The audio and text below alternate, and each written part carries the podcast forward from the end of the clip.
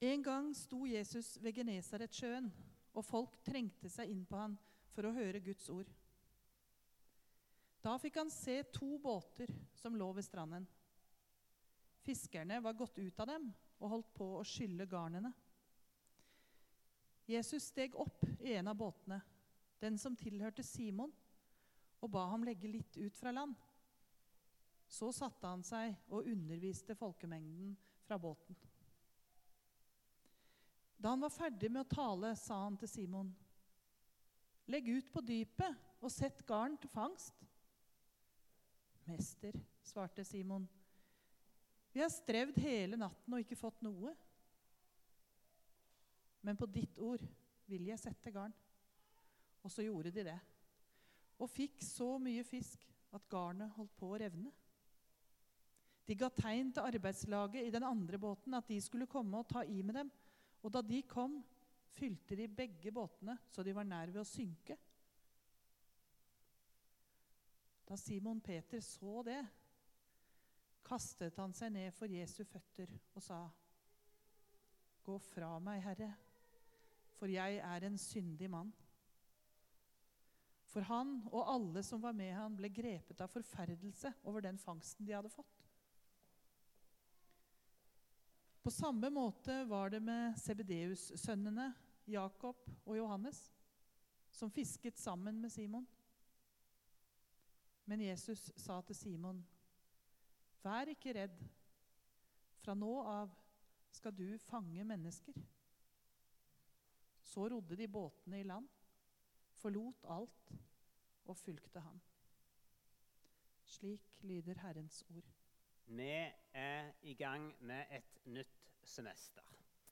Og noen kjenner at eh, det har vært veldig godt å ha eh, god ferie nå. Andre er kanskje godt i gang allerede. Men for en del så er iallfall høsten en litt sånn travel tid. Det skjer mye. Noen skal kanskje begynne i nye jobber. Noen skal kanskje studere. Eh, en skal ta opp igjen treninger som kanskje ikke ble helt i sommer som en hadde håpet. En skal i gang med dugnader, aktiviteter på unger, og det er mange ting. Og ikke minst så er det, de, så er det venner som en kanskje ikke har fått truffet i løpet av sommeren. Eh, mange ting. Og dette med venner eh, Jeg har hørt at vi i Norge er litt spesielle, eller i Norden litt sånn spesielle når det gjelder vennskap. For eh, vi kan være litt sånn tunge å komme innpå. Og det å ta til oss nye venner kan gå litt seint. Men når vi først har blitt venner med noen, så er det en god sjanse for at vennskapet varer livet ut. Eh, likevel så tror jeg mange av oss opplever at vennskap forandrer seg i løpet av livet. Det kan være pga. mange ting. Det kan være flytting, det kan være eh, interesse, det kan være andre dramatiske ting i livet, eller mindre dramatiske ting, som gjør at vennskap endres. Folk reagerer ulike ting, ulikt på ting som skjer i mitt og ditt liv, og tilliten kan styrkes eller svekkes. Vennskapet endres. Vi som eh, går her i kirka, har en eller annen slags vennerelasjon til Jesus. Kanskje ikke alle helt komfortable med å kalle seg Jesu disippel eller Jesu venn. Kanskje litt sånn bekjent. Eller Eh, I alle fall så tror jeg at eh, vi har en eller annen relasjon, og at den har vært i endring siden vi var små. Vi har en Jesus-fortelling. Min Jesus-fortelling. Og nå er det overskriften som eh, prestene her har satt for ei temarekke som kommer til å gå over flere søndager, og som òg er utgangspunktet for eh, smågruppeopplegget denne høsten. De neste, eh, de neste samlingene. Um, og Da tar han utgangspunkt i ei bok som Knut Tveitereid har skrevet, som heter 'Jesus overkommelig og ubegripelig'. Og Der vil Tveitreid Tveitereid få oss til å reflektere litt over vår egen Jesus-fortelling. Hvor er vi nå? Hvor er jeg nå? Hva slags bilde har jeg av Jesus akkurat nå? Um, vi har alle som har en eller annen form for relasjon til Jesus eller evangeliet, kanskje opplevd at eh, ting var på en måte i ungdomstida. Eh, og så er det annerledes nå. Eh, det kan være møte med livet, med sykdom og død, med gode ting og vonde ting som skjer. På samme måten som med vennskap så kan vi òg oppleve i forhold til Jesus. Vi kan oppleve av takknemlighet. Vi kan oppleve å bli skuffa. Vi kan oppleve fravær. Um, og I tillegg til at en der opplever, hvordan en opplever relasjonen til Jesus kan variere, så òg vårt bilde av han kan variere gjennom livet. Og Nå ble det vist i eh, vår en liten sånn en snutt. Han har noen sånne eh, QR-koder i denne boka.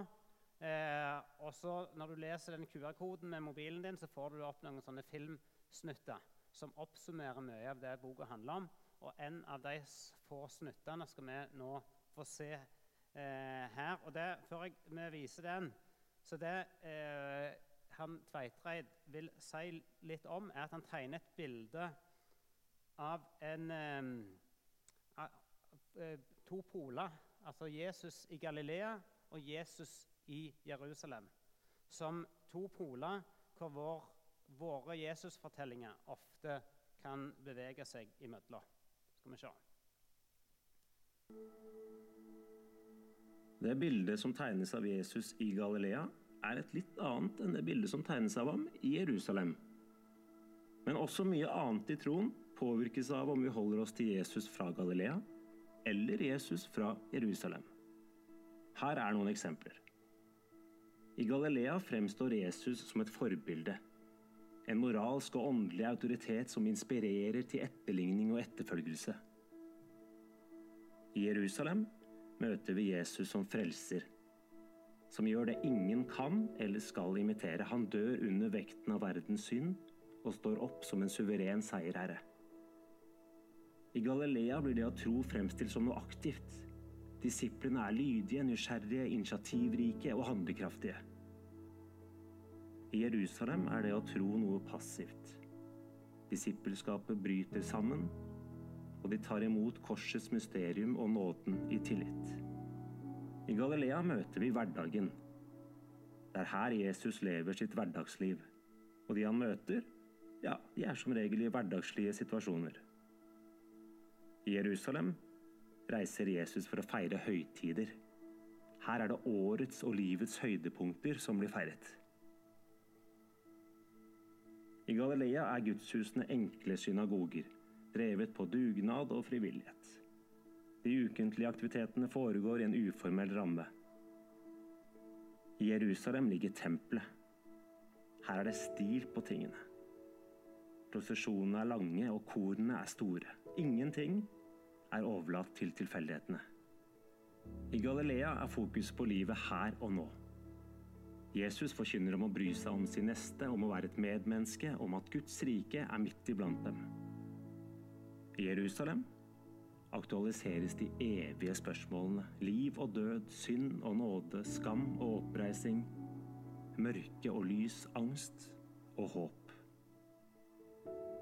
Man kan godt si at Galilea representerer tverrbjelken i korset. De mellommenneskelige gode gjerningene. Dette er korset vi alle må bære. Og man kan godt si at Jerusalem representerer langbjelken i korset. Denne pålen er det Jesus som setter der. Den handler om gudsforholdet. Her er det ingenting vi selv kan bidra med. I spennet mellom Galilea og Jerusalem befinner vi oss alle sammen. På noen områder dras vi mot Galilea, på andre områder mot Jerusalem. De første evangelistene la ulik vekt på Galilea og Jerusalem. Det gjør vi alle, og slik redigerer vi vår Jesusfortelling. Hvordan er din Jesusfortelling, og hvor er du akkurat nå? Um, og mens en har det litt i bakhodet, så vil jeg litt tilbake til eh, teksten og Peter spesielt. Vi hører om eh, Peter som en frimodig mann som er fisker, og som blir kjent med Jesus, som tror på han og har tillit til det han sier. Han kaster ut garnet på andre sida. Han følger Jesus på, og tar han på ordet. Eh, og kan, jeg kan iallfall kjenne at jeg nesten kan miste litt motet av den eh, enorme stå-på-viljen. Og bli imponert samtidig. Eh, og Samtidig så kan vi lese at òg Peter sin relasjon til Jesus er i endring i løpet av de tre åra som de har i lag. Eh, det er Peter som er den frimodige som står fram, og samtidig òg sier at du er den levende Guds sønn, sier han på Cesarea Filippi i Matteus 16, når Jesus spør hvem sier dere at jeg er. Du er den levende Guds sønn. Men så går det bare noen få vers i Matteus 16 til en hører at Peter og Jesus virkelig Det virker som de krangler. Jesus sier at ja, jeg må lide og dø, og sier liksom hva som må skje. Og så sier Peter at herlighet, Jesus, dette må jo ikke skje. Det må jo ikke være sånn. Og så hører vi rett og slett at Jesus noe så sterkt som sier Det virker som at Jesus tenker at eh, Satan sjøl er i Peter og sier 'Vik bak meg, Satan'.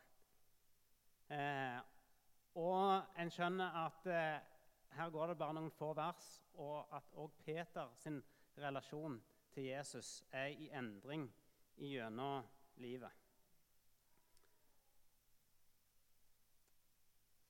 Videre så er det Peter som står opp for Jesus i Getsemane på skjærtorsdag og forsvarer han med livet som innsats når han hogger etter eh, soldaten sitt øre, sånn at han mister øret, og virkelig vil ofre alt for Jesus.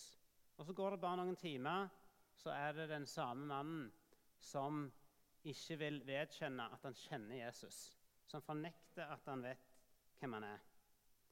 Og Da virker det som Peter anser som relasjonen til Jesus som brutt.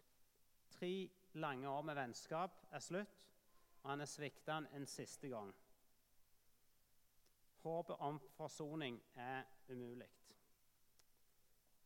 Og Peter han hadde en spesiell historie. For Peter hadde Jesus gjennom de tre siste åra både vært et forbilde, sånn som vi hører om Galilea-relasjonen. Han hadde òg vært en venn som alltid var til stede. Og han hadde, skulle òg være en som Jesus skulle vise at satt fri. Det som skjedde i Jerusalem, gjaldt jo òg for Peter. Men det var jo bare så synd at han svikta han der og da. Eh, hvem er Jesus i vårt liv akkurat nå? Blir vi dratt mot Galilea, eller blir vi dratt mot Jerusalem? Noen kjenner veldig fort at ja, jeg er der at jeg blir dratt mot. kjenne at høy, eh, prosesjoner og de tingene der er for meg. Eh, og så er det faktisk sånn i denne boka at du kan gjøre en liten sånn test på hvor du er henne. Og så får du et svar eh, eh ut ifra en del spørsmål der jeg er nå, er Jesus et forbilde, kan du få som svar. Eller der jeg er nå, er Jesus en frelser, først og fremst. Eller der jeg er nå, er Jesus en som alltid er nær. Det er tre sånn hovedsvar. Og så kjenner kanskje noen at ja, jeg er, jeg er kanskje mest der at Jesus er et forbilde for meg. Andre kjenner at nei, for meg er det viktigste at Jesus er en frelser der jeg er nå i livet. Og så kjenner kanskje en del at er det ingen andre alternativ. Selv om det nok ikke er sånn meint, så kan sånne kanskje litt stigmatiserende bilder gjør at en del av oss kjenner oss litt sånn utilpass. Jeg vet ikke om jeg hører til i noe av det der, tenker en kanskje. Hvis vi nå hadde spurt hverandre, som sier man på, på gudstjenesten her, om eh, vår Jesus-fortelling så tror jeg mange av oss hadde krympet oss litt og kjent, litt, kjent oss ganske sånn utilpass. Jeg vet ikke om jeg har noen Jesus-fortelling. Jeg vet ikke om jeg ja, man, jeg, Det blir rett å kalle han som venn. Jeg føler det blir litt kleint, kanskje, vil noen tenke. For Faren med sånne stereotypier er at en, når en har noen ting å velge i, at en kjenner at en ikke hører til verken i den ene eller andre, og får bekreftet at nei, her i kirka hører ikke jeg til. Jeg er verken sånn eller sånn. Da tenker jeg at det er viktig at vi husker at evangeliet det handler, om, det handler ikke om at vi skal finne vår Jesus-fortelling og kunne fortelle den. Men det handler om Jesus som finner oss og setter oss fri ifra sjølfordømmelse, ifra jag etter glansbildelivet, ifra jag etter å passe inn, til å være oss sjøl. Når alt håp er ute for Peter, da er det ikke han sjøl, men da er det Jesus som tar initiativet. Når, han, når, Jesus har stått opp, så sier han til de som kommer først til graven, at ja, hils til disiplene og til Peter og si at jeg går i forveien hjem til Galilea. Peter han var jo en av disiplene, men Jesus visste at det var skjedd noe i relasjonen der, og at Peter trengte en ekstra hilsen. Og så ble han spesielt invitert til å komme hjem. Hils til Peter. Jeg tror i dag at Jesus hilser til oss, sine venner. Selv om vi kanskje føler det litt ukomfortabelt å tenke sånn om Jesus sjøl, så kaller han oss for sine venner. Og så hilser han spesielt til de av oss som kanskje føler nettopp det er litt unaturlig å kalle seg en disippel eller venn. Som ikke kjenner seg helt igjen i verken Galilea-kristen eller Jerusalem-relasjonen. Eh, Når vi ikke kjenner oss verken eh, som, heller ikke som en sånn typisk Ålgård-kristen. Men når vi likevel kanskje har et lite håp, og knapt nok det Et håp om at han òg vil være der for oss. Han hilste spesielt til Peter, han som gikk så hardt ut, og så landa med et brak. Nå hilser han til oss, til deg og til meg. Til deg.